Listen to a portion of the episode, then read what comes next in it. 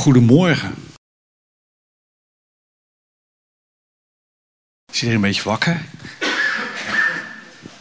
Ik vind het, ik vind het wel echt weer bijzonder om, uh, om jullie te mogen spreken. Um, door alle lockdownmaatregelen en kerken en dat soort zaken spreek ik ruim veel minder als dat ik deed. Um, dat was op zich niet zo erg, want dat betekent ook dat ik wat meer bij mijn gezin was. Wat ook op zich in deze periode heel erg goed was. Dus geen geklaag. Maar ik vind het wel weer heel leuk om mijn eigen voor te bereiden en te delen wat God op mijn hart legt. En het bijzondere nu is dat ik vanmorgen mag gaan spreken uit Hebreeën 12, vers 1 tot en met 3. Met als titel 3, 2, 1, go! En misschien is het wel de domste titel die ik ooit verzonnen heb. Maar die titel en deze tekst brengen twee dingen bij elkaar. Voor mij in mijn leven, die mijn grote passie hebben. En het ene hoef ik denk ik niet uit te leggen. Dat is het woord van God. En zijn liefde daarin. En de andere is dat 3, 2, 1, go. Ik hoor dat gemiddeld een keer of 8, 10, 12 per week. Is het niet voor een workout, dan is het wel voor een warm-up of een cool-down of noem maar op. En meestal is dat dan het begin van een workout waarvan jullie vandaag zouden zeggen van joh, leg maar maar weer terug op mijn bed. Ik vind het best. Het is goed. Leuk voor jou. Doe je ding. Top. Maar, maar ik ben zo iemand, als ik ergens voor ga, dan ga ik er ook voor de volle 100% in. Uh, dat was gisteravond ook met een kaartspelletje. En vervolgens was het twee uur s'nachts. En vergat ik even dat ik nog twee uur hierheen moest rijden. Maar het komt goed. We hebben energie genoeg.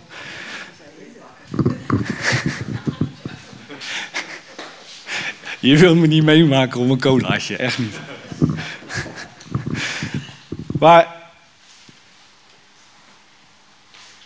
Een jaar of twee geleden ben ik, het is inmiddels al 2,5 jaar geleden, ben ik begonnen met CrossFit. En ik weet niet of mensen het kennen, CrossFit. Hebben we nog meer van die gekken hier? Niemand? Kennen we het wel of ook niet? Nou, dan gaat het goed komen straks, echt waar. Allemaal gymschoenen aan? En uh, ik train gemiddeld vier, vijf keer in de week. Tijdens de lockdown was het zelfs zes, zeven, acht keer in de week. Um, en dan zou je misschien denken, ja, wat heeft dat nou te maken met de Bijbel? Wat heeft het te maken met het woord van God? Wel nu, Hebreeën 12 roept ons op om de race van ons leven die voor ons ligt af te leggen met volharding je relaties, je pijn en je problemen, maar ook je vreugde en je successen en je ambitie. Je hele leven als één geheel. En je probeert daarbij zo dicht mogelijk bij God te zijn. Maar het verlangen in ons hart naar iets anders dan God zorgt er eigenlijk voor dat we struikelen in onze race. Dat we vallen. En soms voorkomt het er zelfs een beetje door dat we minder zijn heiligheid ervaren als dat we zelf zouden willen. En dat kan natuurlijk gewoon hele normale dingen zijn: woede, angst, maar ook bitterheid, schaamte, lust. En dan is er nog een heel breed scala aan dingen die we zelf wel kunnen invullen. En uiteindelijk is de oproep: verwijder alles wat tussen jou en God in kan staan. En in alle preken die ik tot nu toe gehoord heb, is me wel opgevallen dat sprekers best wel vaak sport gebruiken om dingen duidelijk te maken. En meestal is dat voetbal. Eigenlijk bijna altijd voetbal. En als ik ergens helemaal niks mee heb, is het voetbal. Echt helemaal niks. Ik, ik weet nog, wij waren net eh, getrouwd. Een klein huisje gekocht. En toen had je nog een televisie met een videorecorder. Wie weet nog wat het is? Ja, ja. En dan had je een videotheek. Ja, dat is een soort Netflix in een winkel. En dan was het WK op televisie. En dat was mijn moment. Want dan kon ik relaxed naar de videotheek en dan stond alles er nog. Niks was weg. Ideaal. Maar goed, qua sport, voetbal ga je mij niet krijgen. Ik heb twee dingen: CrossFit en Formule 1. That's it. Snel uitgepraat. Maar goed, Hebreeën 12. Hebreeën 12, vers 1 en 3 roept ons op om in beweging te komen. En vandaar dus 3, 2, 1, go. En nu niet allemaal weglopen, want ik ben nog niet klaar. Hebreeën is geschreven om een groep mensen te inspireren die vasthouden aan hun geloof terwijl ze worden vervolgd. Terwijl er van alles misgaat in hun leven. En we weten niet precies wie Hebreeën heeft geschreven. Maar wie het ook geschreven heeft, hij wist wel hoe die moest schrijven. En de passage die we gaan lezen is erop gericht om ons in beweging te brengen. Laten we Hebreeën 12, vers 1 tot en met 3 er even bij pakken. En daar staat dit. Wel nu, dan laten ook wij, nu wij door zo'n menigte van getuigen omringd worden, afleggen alle last en de zonde die ons gemakkelijk verstrikt. En laten wij met volharding de wedloop lopen die voor ons ligt. Terwijl wij het oog gericht houden op Jezus, de leidsman en voleinde van het geloof. Hij heeft om de vreugde die hem in het vooruitzicht was gesteld, het kruis gedragen en de schande veracht en zit nu aan de rechterhand van de troon van God. Want let toch scherp op hem die zo'n tegenspraak van de zondaars tegen zich heeft verdragen, opdat u niet verzwakt en bezwijkt in uw zielen. En het vers waar ik me deze morgen mee bezig wil houden, is het eerste stukje.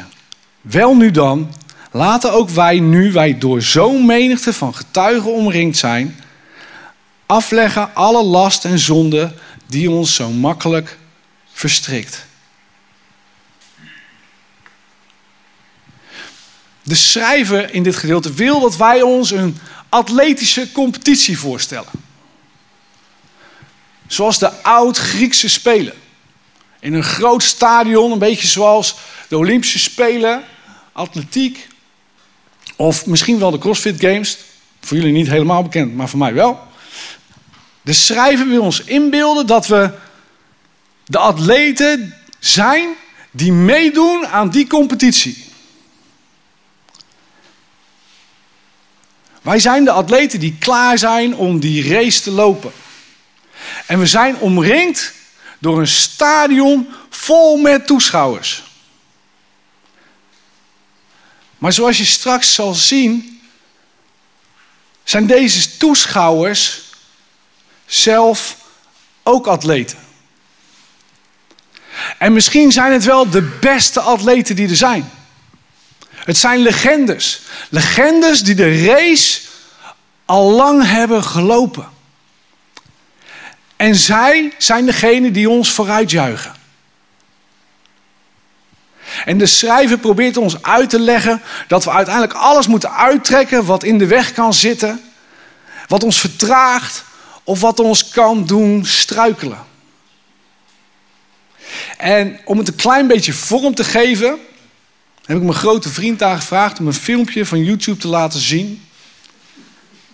En ik wil vragen of je daarna wil kijken en wil luisteren naar de commentaren en naar de beelden. I love the pain and I love the suffering. Back to the bar! Back to the bar! There are a lot of very fit, very strong girls out there. I feel like I have a shot to win any time that I go to the games. You can't underestimate anyone. I think about it every single day. They're there to win. So I look at it like they're trying to take it from me. This is about crushing the people next to you, and this is about trying to win the CrossFit Games. If you're not coming for that reason, you should just quit now. Being a CrossFit Games athlete is basically a mental illness. You don't know how good you have to be just to suck at the CrossFit Games. Champions don't have balance, and the reason that they are exceptional at what they do is because they focus all their time and energy on it. Prep your bags for a flight. Where are we going? When are we coming back? Constantly have that fear of like someone chasing you. You just feel it on the back of your neck. I had you! I want to win this workout, and I want it to be a dominant performance. What a fight by Josh Bridges! You have to completely commit to changing your life. You got to be good at everything, and you don't know if we're going to go to the mountains, you don't know if you're going to the beach. Truly, who's the world's fittest athlete? That is your sole existence and goal. And even then, you're probably not going to make it.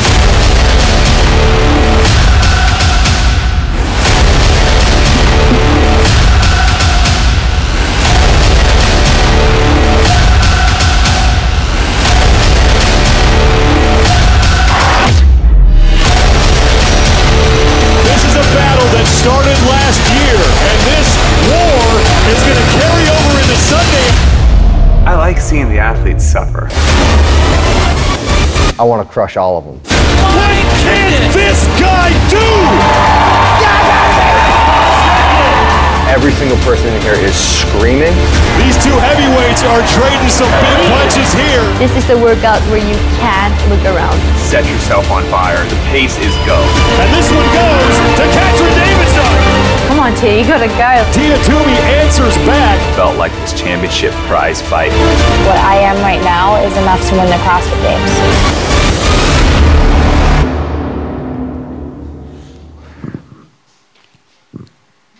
Dat dus. Ik krijg hier ook een beetje kippenvel van. Eh, niet alleen omdat het mij inspireert om nog meer gekke dingen te doen. Ehm, de meest stomme dingen je eigen te maken. Je eigen opdrukken op, ondersteboven in een stel ringen. Touwklimmen. eh, dingen verplaatsen. ehm, noem maar op. Het leukste is als je meer als je eigen gewicht boven je hoofd tilt. Dat is altijd een gevoel, dat vergeet je niet zo snel. Maar wat het eigenlijk ook laat zien, is wat er bedoeld wordt met deze tekst uit Hebreeën. Volharding. Afleggen dat wat in de weg zit. Een aantal van de commentaren hoorde je al dat hun focus maar op één ding gericht is. En dat is het mooie van CrossFit. Die lui die dat op elite niveau doen, die hebben maar één focus in hun leven. Er is geen plaats voor wat anders. En juist die volharding, die focus, is waar Hebreeën het hier over heeft.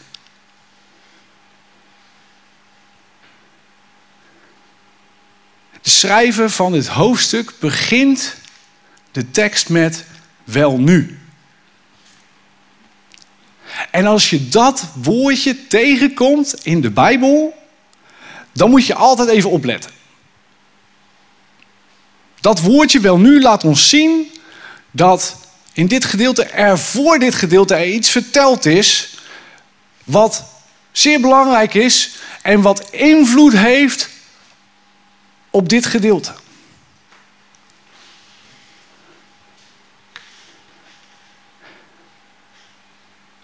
En dit woordje wel nu kijkt eigenlijk terug naar de tekst voor Hebreeën 12, Hebreeën 11. Het vorige gedeelte, Hebreeën 11, is een hele krachtige opsomming van mensen in geloof die God volledig vertrouwden, ondanks de omstandigheden waarin ze in zaten. En in dit gedeelte noemt de schrijver deze mensen een menigte van getuigen die ons omringen.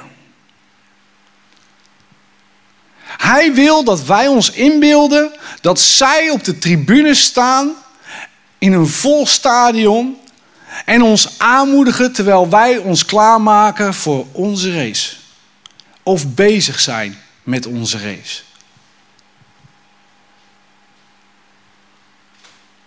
En hoofdstuk 11 beschrijft die mensen die ondanks al hun onvolkomenheden zich werpen in een leven geleid door Jezus en de wereld veranderen.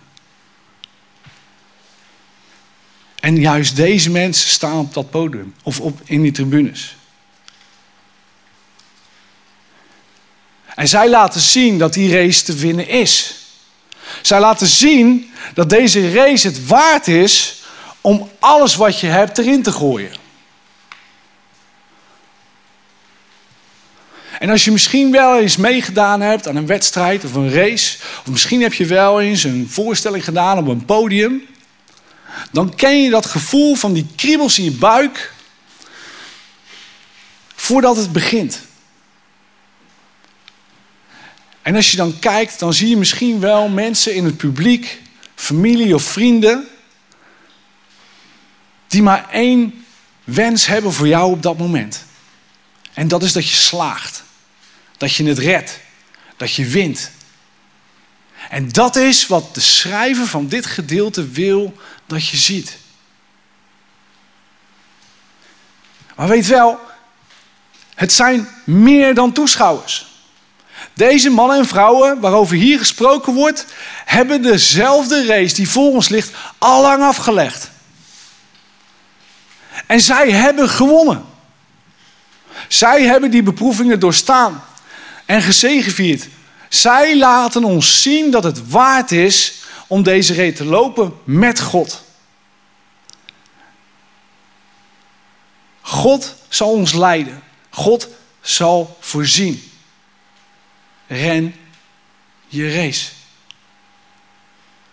En, en als je tijd hebt van de week of vanmiddag en je zit even lekker bij de kachel, pak dan hoofdstuk 11 er maar eens bij en lees hem maar eens door.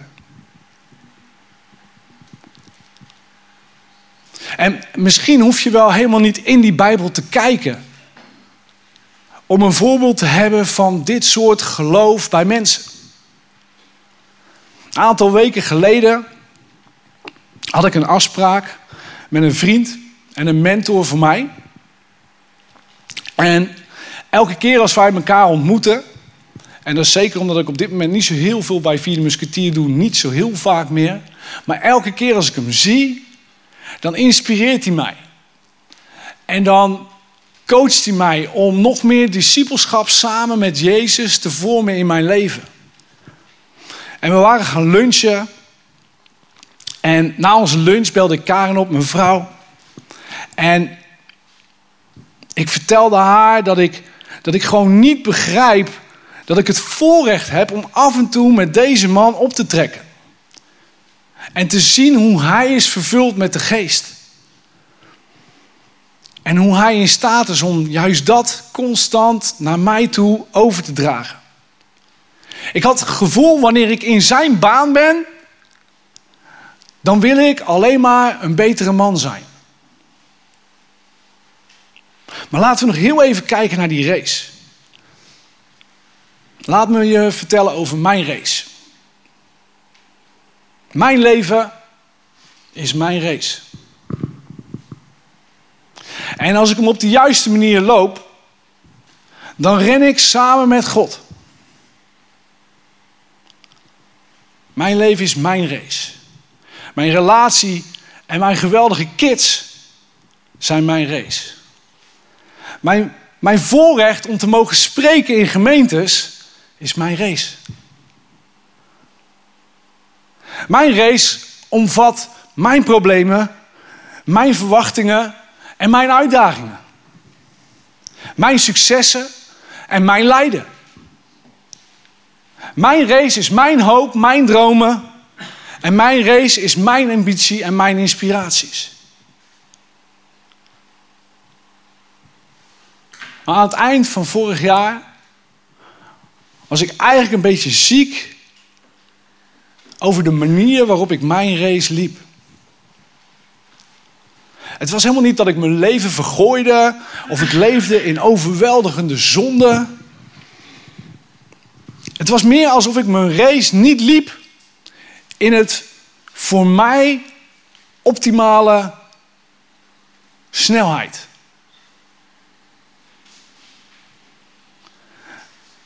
Vlak voor het eind van het jaar zag ik een interview met Dallas Willard. En in dat interview werd Dallas gevraagd: Dallas, hoe monitor jij je conditie van je eigen ziel? En het antwoord was: ik stel mij met grote regelmaat twee vragen. Eén, word ik er meer of minder geïrriteerd van? En twee, word ik er meer of minder door ontmoedigd? En ik, ik dacht hierover na.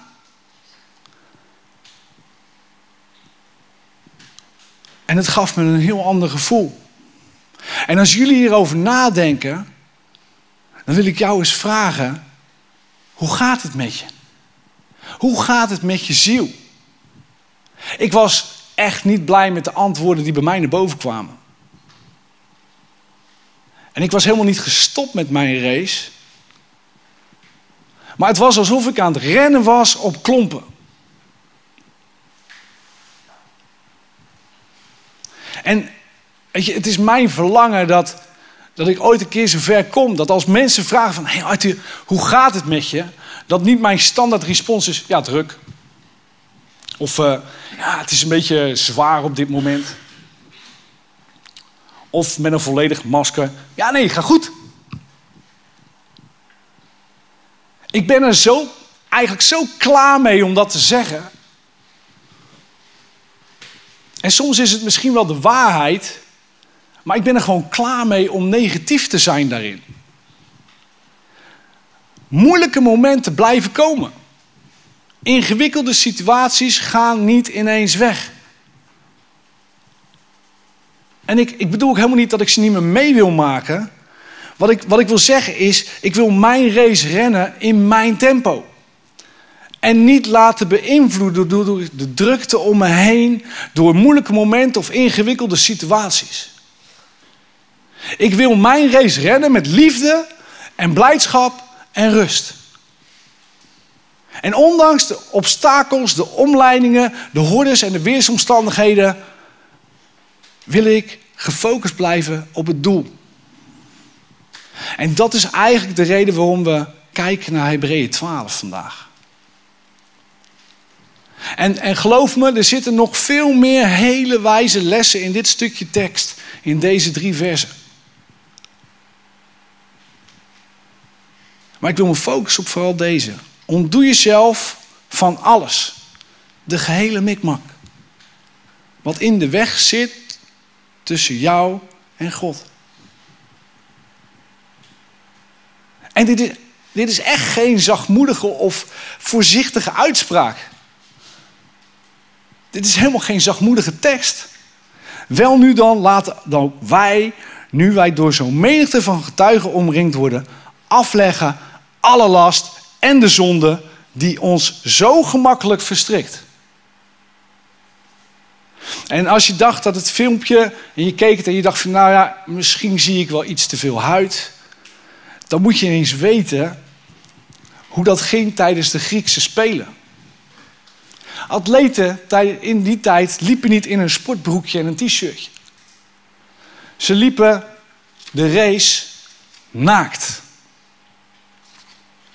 Geen broek, geen shirt, zelfs geen onderbroek of een lapje.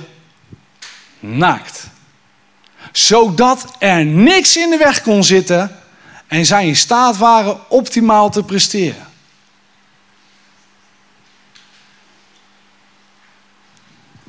Dus laten we eerst maar eens gaan praten over dingen die ons in de weg kunnen zitten.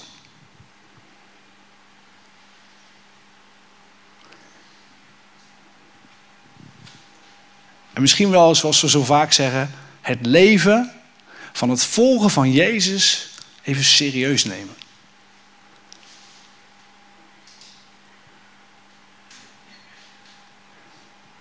Er staan een aantal hele belangrijke waarheden in het woord van God. God is heilig en daarom zouden Gods gelovigen heilig moeten zijn. En het laatste lied wat we straks zongen was eigenlijk wel heel mooi. Met al je kracht. Met heel je ziel. Met alles.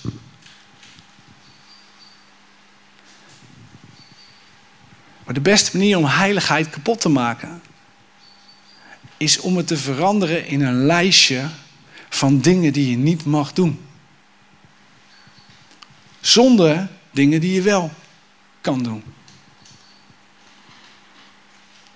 Heiligheid kan niet gereduceerd worden tot zonderloosheid. Heiligheid in de kern gaat over toewijding. Specifiek toewijding aan God en Gods werk in deze wereld. En dat is de race die we zouden moeten rennen. Maar wij, wij maken onszelf niet heilig. Heiligheid is het werk van God.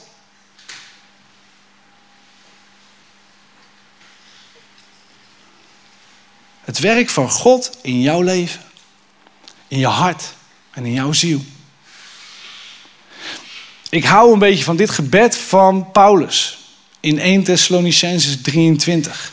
En mogen de God van de vrede zelf u geheel en al heiligen. En mogen uw geheel oprechte geest, de ziel en het lichaam onberispelijk bewaard worden bij de komst van onze Heer Christus. Heiligheid en heilig worden is het werk van God. Maar ook wij hebben hier wel een deel aan. In een brief aan Colossense schrijft Paulus in hoofdstuk 3, vers 5: Dood dan uw leden die op de aarde zijn. Ontucht, onreinheid, hartstocht, kwade begeerte en hebzucht, die afgoderij is.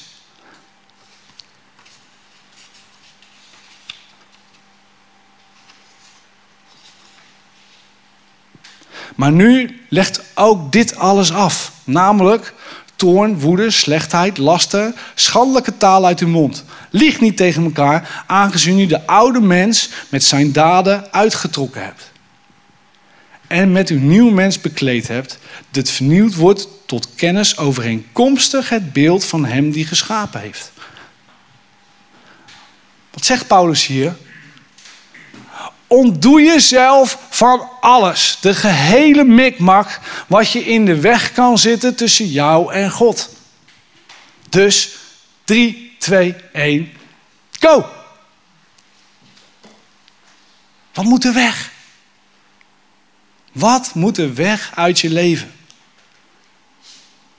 Als het tussen jou en God in staat, waarom houd je er dan in hemelsnaam aan vast? Je rent je race in zo'n sumo-pak, zo'n opblaasbaar ding, met een gevangeniskogel aan je been. En je komt niet vooruit. En ondertussen zie je er nog uit als een idioot ook. En we denken allemaal wat we doen en wat we niet doen, een soort oppervlakkig geloof is. De Bijbel is gevuld met lijstjes van dingen die je wel of niet moet doen. En de belangrijkste in de historie is waarschijnlijk wel de tien geboden. Acht dingen die je niet mag doen en twee die je moet doen. Maar waarom hebben we deze dingen die we niet mogen doen? Dat is toch eigenlijk alleen maar negatief? Maar eigenlijk niet. God wil graag dat we sommige dingen niet laten zien en dat andere dingen juist heel duidelijk te zien zijn in ons leven en laten zien dat we volgers zijn van de Allerhoogste. Maar omdat heiligheid uiteindelijk te maken heeft met toewijding, is het misschien beter om niet over een lijstje te praten van dingen die je niet mag doen en wel mag doen, maar dingen die je niet doet, door de dingen die je wel mag doen. Nog een keer?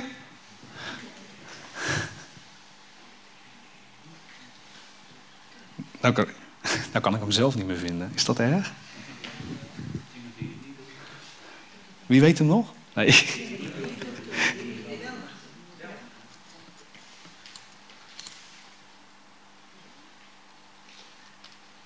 Om heiligheid te maken.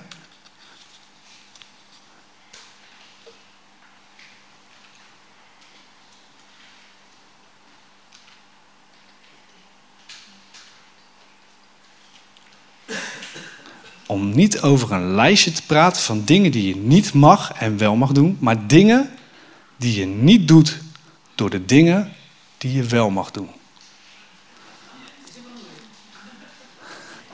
Moet ik hem nog een keer halen, want ik heb hem nu weer gevonden. Maar omdat heiligheid te maken heeft met de toewijding, is het misschien beter om niet over een lijstje te praten van dingen die je niet mag en wel mag doen, maar dingen die je niet doet door de dingen die je wel mag doen. Ik zal hem nog even mailen van de week. Ik heb hier best lang over nagedacht. Maar met ADD en zo in je hoofd gaat dat soms ook niet helemaal lekker. Hè? Maar juist omdat we toewijding hebben om God te volgen, willen we eigenlijk geen zonde doen. Toch? Een uitspraak die ik vond. Als het alleen maar ik tegen lust was, dan was de kans altijd tegen mij. Wat het ook is dat ze klauwen in je vast heeft, je bent nooit vrij tot het moment dat je iets vindt wat je nog veel liever wilt hebben. En nou, nou komen ze snel achter elkaar. Moet ik hem nog een keer halen? Wat het ook is dat ze klauwen in je vast heeft, je bent nooit vrij tot het moment dat je iets vindt wat je nog liever wilt hebben. Het gaat niet om los te komen van onze verlangens. Het gaat erom om, om ons iets te geven, een nog grotere, een nog betere en een nog krachtiger verlangen.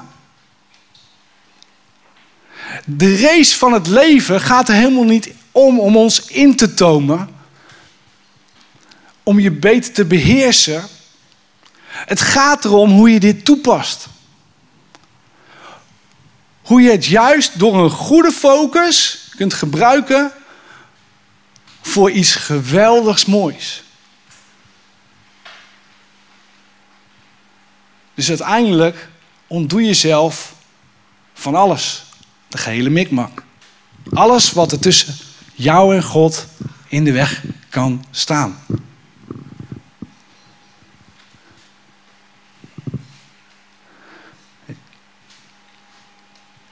We zien ook dat hier in de tekst het wat ruimer neergezegd wordt.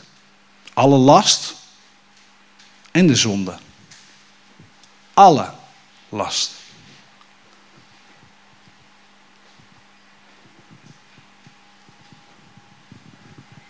De schrijver heeft hier eigenlijk over dingen die geen zonde zijn, maar leiden tot zonde.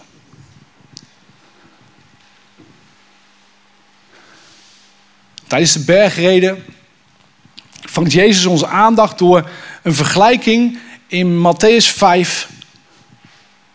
En misschien ken je hem wel. Staat in vers 29. Als dan uw rechteroog u doet struikelen, ruk het uit, werp het van u weg, want het is beter voor u dat u aan uw lichaamsdelen te gronden gaat en niet heel uw lichaam in de hel geworpen wordt. Goedemorgen. Jezus bemoedigt hier echt geen zelfverminking. Jezus, zoals zoveel rabbies in die tijd, overdrijft gigantisch om een punt te maken. Hij zegt uiteindelijk: offer alles op om uit de problemen te blijven. En dan gaat nog even verder in vers 30. En als uw rechterhand u doet struikelen, hak hem dan af en werp hem van u weg. Want het is beter voor u dat u van een lichaamsdelen te gronden gaat en niet heel uw lichaam in de hel geworpen wordt. De meeste van ons zijn rechtshandig, toch? En door de eeuwen heen waren de rechterhand en je rechteroog speciaal belangrijk. En wat Jezus dus eigenlijk hier zegt, het is belangrijk om zelfs het meest belangrijke van ons op te offeren om je leven toe te wijden aan God. En zo uit de problemen te blijven. Die problemen die uiteindelijk nog veel groter zijn als het verlies van een oog of een ledemaat. Je kan het ook zo zeggen. Hak alles af wat je leidt naar een zondige passie. Wat vuurt zondige passie aan in je leven? Hak het meedogenloos af. En zoals in het begin wel duidelijk was, naast de passie voor de Bijbel en God, heb ik ook een passie voor CrossFit. En om dit te kunnen doen op het niveau waarop ik bezig ben, moet ik ervoor zorgen dat mijn lichaam voldoende rust heeft en gevoed wordt met de juiste voedingsstoffen. Uit de juiste voedingsbronnen. En dat betekent dus dat ik bepaalde voedingsstoffen moet aanvullen, zoals vitamines en eiwitten. Maar ook dat er bepaalde dingen zijn die niet heel erg verstandig zijn om te eten.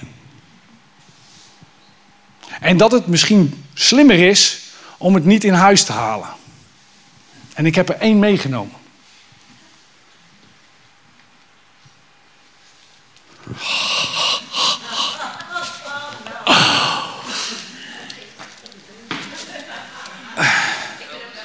Dit is de liefde van mijn leven. Een volledige reep in één keer op te eten.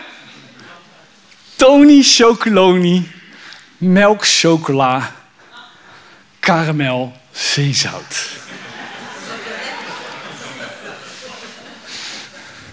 Ze zijn van de week in de bonus, hè? Ik heb een dubbel probleem. Ik ben er ook nog pas geleden achter gekomen dat ik een uh, koemelkintolerantie heb. Maar ik heb begrepen dat ze er pilletjes voor hebben.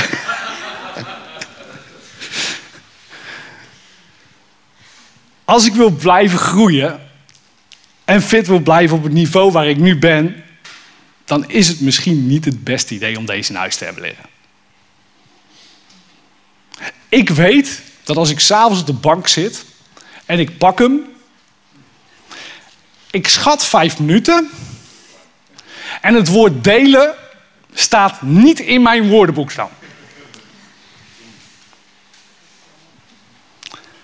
Wie heeft een net zo grote chocoladeverslaving als ik?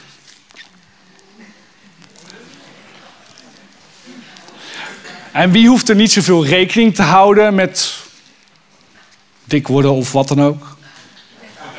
En meestal, meestal, meestal zijn dat ergens de, de, de jongens tussen een jaar of 12 en 16. Hoe heet je? Joël. Joël, jongen. Deze is voor jou.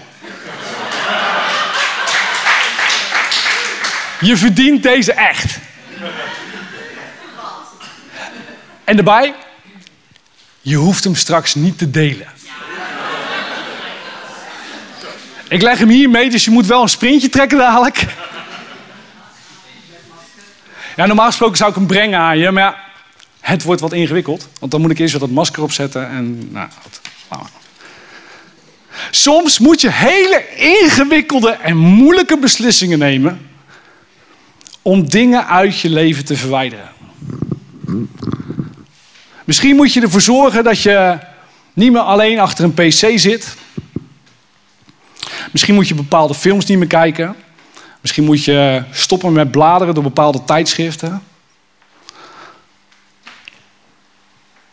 Hij geeft me nu niet zo'n blik zo van, ik ga ervoor bidden, broer. Je weet dat ik gelijk heb.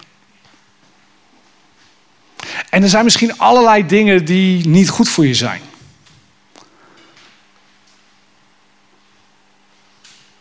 Het is ook soms zo dat dingen die deels goed voor je zijn, in zijn volledigheid niet zo goed voor je zijn.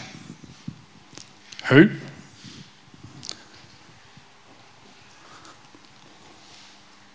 Mobiele telefoon, ideaal om te bellen en te bellen en om te bellen. Maar wat je hierop binnen kan krijgen, bizar. Hoeveel tijd besteed je aan onzin op dit ding? Ik heb de keus gemaakt een paar maanden geleden. Ik had eerst zo'n iPhone 12 Pro Max. Koelkast. Echt ongelooflijk groot. Geweldig beeldscherm. Je kan er van alles op. Ideaal. En wat ik merkte is dat ik constant, oh, dan zat ik daar een filmpje te kijken, dan zat ik daar dat doen, nog even dit te checken. En waar ging mijn focus heen? Niet naar de dingen waar mijn focus heen moest. Dus ik heb mijn iPhone 12 Pro Plus Max, weet ik veel, ingeleverd voor een iPhone Mini. Ideaal. Batterijduur van deze telefoon is ongeveer een kwart dag. Dus ik kan helemaal niet filmpjes kijken en weet ik veel wat allemaal tegelijk doen. Of vier uur lang spelletjes doen. Trekt de batterij gewoon niet.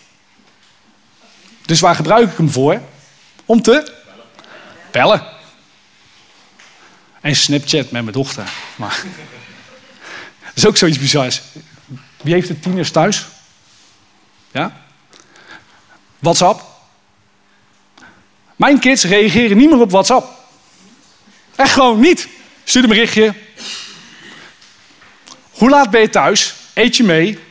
Geen reactie. Helemaal niks. Zeg ik, joh, wat is er? WhatsApp, kom op. Jouw generatie, telefoon, je hebt het ding altijd aan je hand vastgenaaid zitten. Ja, maar pap, daar kijk ik helemaal niet naar. Ik stuurde één WhatsApp, pof, pam, antwoord terug. Ik denk, oké, opgelost. Of één WhatsApp, ik, één, sorry. Eén snap stuurde ik naar mijn dochter. En ik had binnen één tiende van een seconde antwoord terug. Het is niet bij te houden. Waar zij mee bezig zijn, dan nu is het snap. Maar wie weet wat het over vijf maanden is. En het is aan ons als, ah, dit vind ik zo verschrikkelijk om te zeggen, oude luidjes om maar bij te houden waar zij mee bezig zijn. Het is bijna onmogelijk. Maar wat ik wel weet, is dat juist voor die generatie die telefoon aan de ene kant gigantisch belangrijk is, want het is hun sociale netwerk, het is wie ze zijn en wie ze kennen, maar aan de andere kant houdt het ze weg bij hun race en hun voorbereiding. En het geldt niet alleen voor tieners. Want laten we eerlijk zijn, als ik naar mijn ouders kijk, die dik over de 80 zijn, die zitten de hele dag op die telefoon. Dus het is geen jongere generatie dingetje meer. Het is alle generaties breed. Ik ben iets te ver afgedwaald van mijn betoog over telefoons, man. En ik, weet je, ik wil helemaal niet legalistisch overkomen. En, en er hoeven helemaal geen harde regels te liggen. Jezus gaf er ook helemaal niet zoveel. En misschien zijn de regels of de dingen die je jezelf oplegt voor jou wel heel anders als voor een ander. Voor mij is verleiding wat anders dan voor jou. Voor jou. Ik moet dus in staat zijn om mezelf op een andere manier te beperken.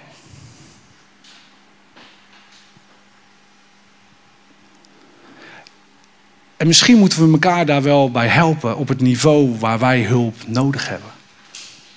Zonder dat we die ander veroordelen of oordelen.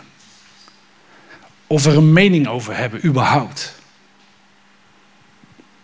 Iedereen loopt zijn eigen race op zijn eigen tempo.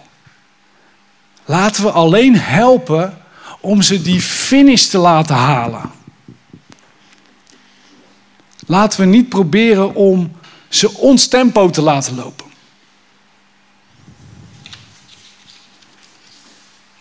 Misschien moet je wel zoeken naar iemand in je leven die eens mag spreken in jouw leven. Om jou te helpen. Waarbij je gewoon open en eerlijk kan zijn. Misschien heb je al vaak, zo vaak geprobeerd te stoppen met iets in je leven. En is het niet gelukt. Nog steeds niet. Probeer het nog een keer en doe het op een andere manier. Maar stop niet met blijven proberen. Ontdoe jezelf van alles, de gehele mikwak, wat in de weg kan zitten tussen jou en God.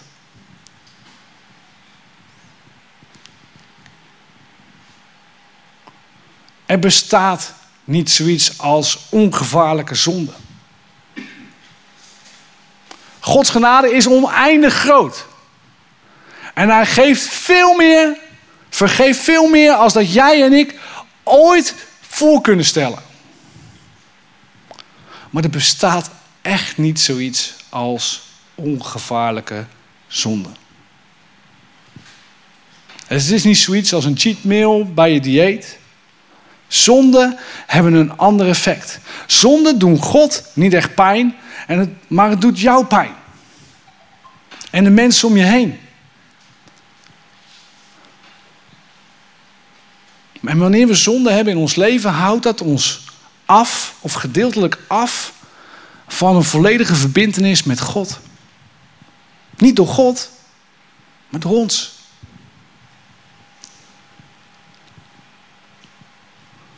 Omdat we iets tussen God en ons tussen zetten.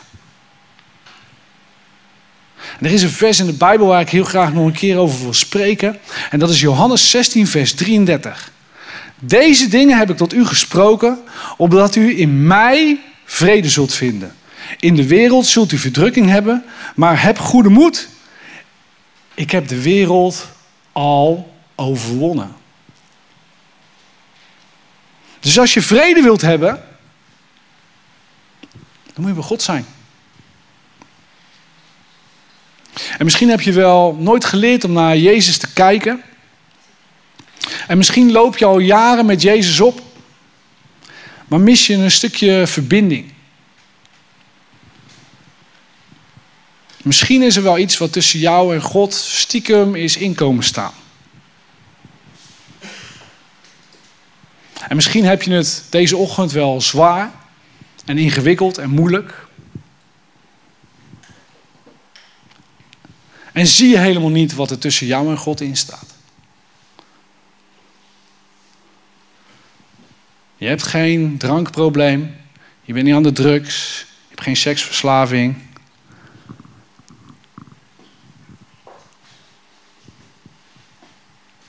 Het zijn ook helemaal geen dingen die je vrede kunnen geven. Vrede is uiteindelijk in Hem.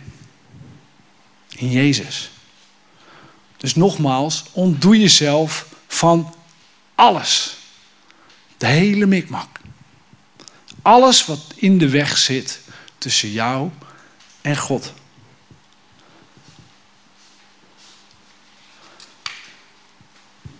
En laten we samen die race gaan rennen. Wetende dat we aangemoedigd worden door de mensen die het al lang gedaan hebben en hebben gezegevierd. Maar ook door elkaar aan te moedigen. Aan te moedigen. Aan te moedigen is niet iets negatiefs uitspreken. Aanmoedigen is iemand vooruit wensen. Vooruit schreeuwen. Vooruit helpen. Dus vandaar 3, 2, 1. Go. Amen.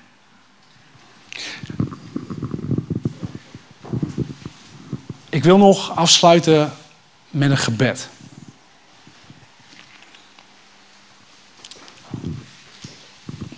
Aanbiddingsteam mag wel naar voren komen.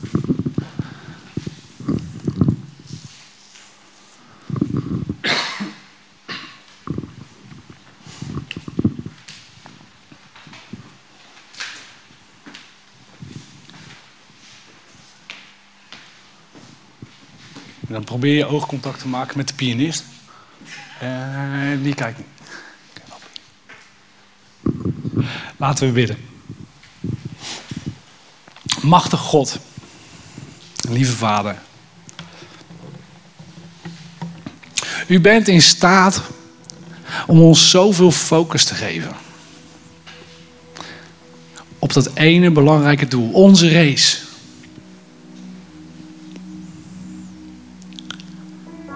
Ons evenement. Ons moment om te shinen. Maar de enige manier om daar te komen, op de meest effectieve en meest snelle manier, is met toewijding, training en door tijdens de race alles af te leggen wat in de weg kan liggen. Heer, en ik bid dat waar we ook staan in ons leven, of we nu nog aan het trainen zijn, aan het oefenen, of we staan net voor de start van onze race, of we zijn al bezig met onze race. Heer, dat we beseffen dat de helden die dit al gedaan hebben, dat die ons aanmoedigen. Dat er vanuit die Bijbel zoveel kracht kan komen. Van verhalen van mensen die oogenschijnlijk verloren waren. Gebruikt werden om de meest grote dingen in onze geschiedenis te doen. Heer, geef ons dan de kracht om in toewijding te trainen voor die race. Geef ons de kracht om te starten met die race. En geef ons de kracht tijdens die race. En misschien was het al wel heel snel duidelijk voor je tijdens deze preek. En sprak God al heel snel in je hart over iets wat moest verdwijnen in je leven. Misschien was het niet eens een fluistering in je oor, maar was het gewoon een dikke vette poor in je zij. En je weet dat je er werk van moet maken. En als jij dat bent, dan bid ik je genade en vrede van Jezus toe. En besef dit, dat het een cadeau is. En zo, misschien voelt het wel helemaal niet op dit moment. Maar het is een cadeau. Vertrouw op zijn vrede en op zijn genade. En dan doe je zelf van alles. De gehele mikmak. Wat er in de weg kan zijn tussen jou en God. En weet dat je gedragen wordt. En als je struikelt, opgericht wordt. Door een held, door een mede-atleet of door God zelf. En je verder kan gaan in jouw race. Amen.